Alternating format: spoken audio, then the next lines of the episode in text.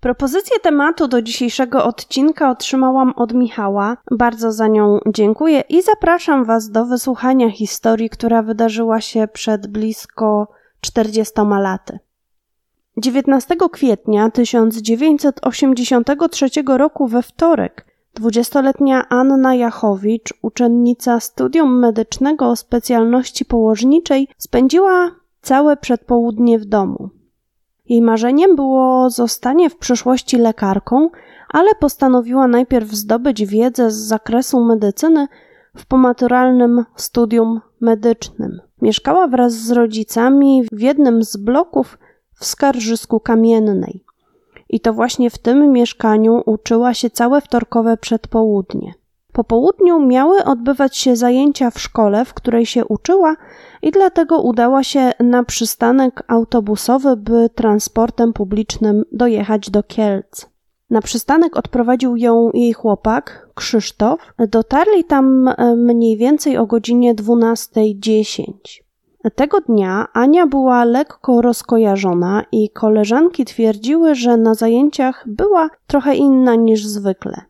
Codziennie przychodziła na lekcje w stroju pielęgniarskim, ale tego dnia była w zwykłym ubraniu. Ponadto wydawała się być zamyślona i jakby się niecierpliwiła. Niespecjalnie skupiała się też na zajęciach i zdawało się, jakby dokąd się spieszyła. Nawet namówiła koleżanki, żeby wspólnie udały się do nauczycielki, by poprosić o wcześniejsze zakończenie zajęć tego dnia, i nauczycielka zgodziła się. A ponieważ nauczycielka ta miała kilka godzin zajęć pod rząd e, z tą samą grupą, ustalono, że ostatnie zajęcia zostaną przeprowadzone bez przerwy. I dlatego Ania skończyła zajęcia 15 minut wcześniej niż było to określone w planie zajęć i ze szkoły wyszła około godziny 19.45. Nie wiadomo dlaczego się spieszyła, czy była z kimś umówiona, żadna z koleżanek nie potrafiła odpowiedzieć na to pytanie. Ania była widziana, jak z budynku szkoły udała się w kierunku wylotówki na Skarżysko-Kamienną i młodą kobietę widziały jej koleżanki z klasy. Ani udało się zatrzymać okazję i widziały to właśnie e, wspomniane koleżanki z klasy. Dziewczyna miała wsiąść do wiśniowego Fiata 126P. Kobiety zeznały, że ich koleżanka próbowała zatrzymać jakiś pojazd i wspomniany Fiat najpierw minął ją, ale po chwili kierowca zatrzymał pojazd i cofnął się do Ani. Następnie otworzył jej nawet drzwi od strony pasażera i można się zastanawiać, czy cofnął się, bo uznał, że zabierze tę przypadkową kobietę, czy też za kierownicą siedział ktoś, kogo Ania znała i on ją rozpoznał, no i dlatego właśnie się cofnął, by zabrać ją do domu. Kobiety zapamiętały, że pojazd miał kieleckie numery rejestracyjne, ale niestety nie zapamiętały całości numeru. Pół godziny później na przystanku w Skarżysku Kamiennej pojawia się Krzysztof, chłopak Ani. E, dziewczyna nie przyjeżdża jednak autobusem około 21. Dlatego chłopak postanawia zaczekać na dwa kolejne kursy, ale niestety w żadnym z nadjeżdżających autobusów nie ma jego dziewczyny.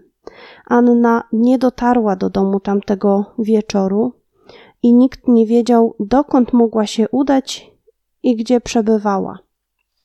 20 kwietnia 1983 roku Pewien mężczyzna przechodził w okolicy mostu nad Zalewem Rejowskim w Skarżysku Kamiennej. Był wczesny poranek, nie było jeszcze szóstej, gdy przy ulicy Wioślarskiej natknął się na zwłoki młodej kobiety. Natychmiast powiadomił o tym fakcie milicję. Funkcjonariusze szybko zjawili się na miejscu i ustalili, że kobieta została zamordowana.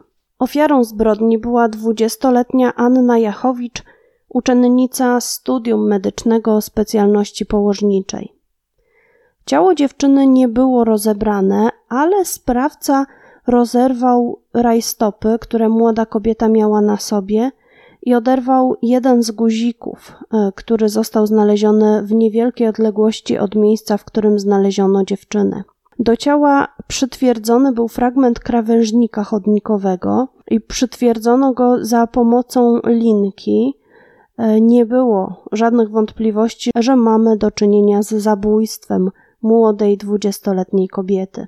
Zabójca zabrał Annie dwa złote pierścionki, kolczyki, zegarek, łańcuszek, e, torbę, zapalniczkę, pojemnik na perfumy oraz buty marki Syrena.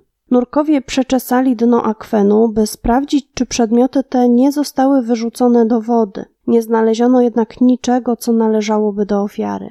Następnego dnia przeprowadzono sekcję zwłok, ale nie udało się ustalić bezpośredniej przyczyny śmierci. Brano jednak pod uwagę, że mogło dojść do uduszenia poprzez ucisk dłonią na szyję. Mogło również dojść do zadławienia po nałożeniu na szyję pętli z liny i przygniecenia fragmentem e, krawężnika lub po prostu uduszenie za pomocą liny. Żadnej z tych wersji nie udało się stuprocentowo potwierdzić ani też wykluczyć. Nie wiadomo również, czy do zbrodni doszło w miejscu odnalezienia zwłok, czy też ciało tam podrzucono, y, gdy Anna już nie żyła. Zakłada się jednak, że najbardziej prawdopodobna jest wersja mówiąca o tym, że do zbrodni doszło w innym miejscu. Założono, że Ania została przyniesiona w to miejsce już obciążona krawężnikiem i uznano zatem, że ciała nie mogła przenieść jedna osoba, y, ponieważ ciało dziewczyny wraz z obciążeniem mogło ważyć ponad 80 kg. Uznano, że więcej niż jedna osoba brały udział w przeniesieniu tego ciała. Nie wiadomo natomiast, ile osób brało udział w zbrodni. Oczywiście nie można wykluczyć, że jedna osoba byłaby w stanie przenieść jej ciało, niemniej jednak nie byłoby to łatwym zadaniem do wykonania. Zeznania koleżanek Ani pozwoliły zawęzić grono podejrzanych o te zbrodnie do osób, które posiadały wiśniowego Fiata 126P. Milicjanci sprawdzili, kto w Kielcach lub okolicy posiada taki pojazd i okazało się, że wśród właścicieli był niejaki Józef Eś, który nie wrócił do domu w nocy z 19 na 20 kwietnia 1983 roku. 20 kwietnia, czyli jeszcze w dzień znalezienia zwłok Anny, Józef Eś został zatrzymany przez milicję. Przeszukano jego samochód i w pojeździe znaleziono żółty pojemnik na perfumy, dokładnie taki sam, jaki posiadała ofiara zbrodni. I z uwagi na te poszlaki Józef Eś został aresztowany, a prokurator wydał nakaz tymczasowego osadzenia go w areszcie śledczym do czasu wyjaśnienia sprawy. W czasie przesłuchania Józef e, powiedział, że feralnej nocy przebywał w mieszkaniu swojej znajomej, i kobieta potwierdziła jego alibi. Co więcej, tamtej nocy miała im towarzyszyć jeszcze jedna kobieta, która również potwierdziła, że Józef Eś tamtego, tamtą noc spędził w mieszkaniu. Nie było również stuprocentowej pewności co do tego, czy metalowe pudełko na perfumy rzeczywiście należało do Anny. Nie posiadało ono żadnych znaków szczególnych, które pozwoliłyby na jego identyfikację.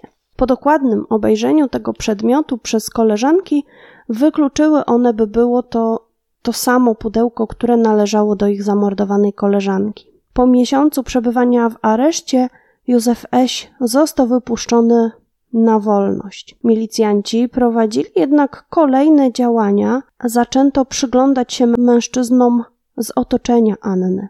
Przesłuchano byłych chłopaków Ani, jej kolegów, kolegę, z którym chodziła do jednej klasy w podstawówce. Poszukiwano również właścicieli wiśniowych i czerwonych Fiatów 126P. Sprawdzono mężczyznę, który w wieczór zabójstwa Ani widziany był z kobietą, która przypominała zamordowaną dziewczynę z wyglądu. Ponadto sprawdzono również wcześniej karanych przestępców seksualnych. Przesłuchano ponad 1500 posiadaczy maluchów o różnych odcieniach czerwieni. Nie przyniosło to odpowiedzi na pytanie, kto był sprawcą zabójstwa Anny Jachowicz. Nawet dotarcie do osób, które wieczorem 19 kwietnia oraz w nocy z 19 na 20 kwietnia przechodziły w okolicy ulicy Wioślarskiej, gdzie znaleziono ciało, nie pozwoliło wnieść do sprawy żadnych nowych tropów. Ostatni świadek, który był w miejscu ujawnienia zwłok przed osobą, która je znalazła, Przechodził tam rano 20 kwietnia o godzinie 5.20. I wówczas ciała Ani nie było jeszcze w tym miejscu, a przypomnę, że ciało znaleziono kilka minut przed godziną szóstą, mniej więcej około 5.55. Czyli podrzucenie ciała musiał, musiał sprawca dokonać w ciągu pół godziny między 5.20 a 5.50. I można przypuszczać, że sprawca był przez kogoś widziany, ponieważ ciało z pewnością miało zostać wrzucone do wody, bo po to je y, na pewno obciążono, jednak nie wrzucono go, co może sugerować, że ktoś sprawcę spłoszył. Do dziś nie pojawił się żaden świadek, który widziałby moment porzucenia ciała, ani też nikt, kto widziałby kogoś uciekającego czy też odjeżdżającego z tamtego miejsca. Nikt również nie wskazał potencjalnego zabójcy. Nie wiadomo, kto stoi za śmiercią Anny Jachowicz, ani jaki był motyw tej zbrodni, i nasuwa się myśl, że zabójcą może być kierowca malucha, do którego wsiadła Ania. Nie można również wykluczyć, że jest to osoba z kręgu znajomych dziewczyny, ale z jakiegoś powodu nie udało się ustalić, kto to taki. Milicja wielokrotnie wzywała kierowcę do stawienia się na komendzie jako świadek, jednak kierowca nigdy nie odpowiedział na apel y, stróżów prawa.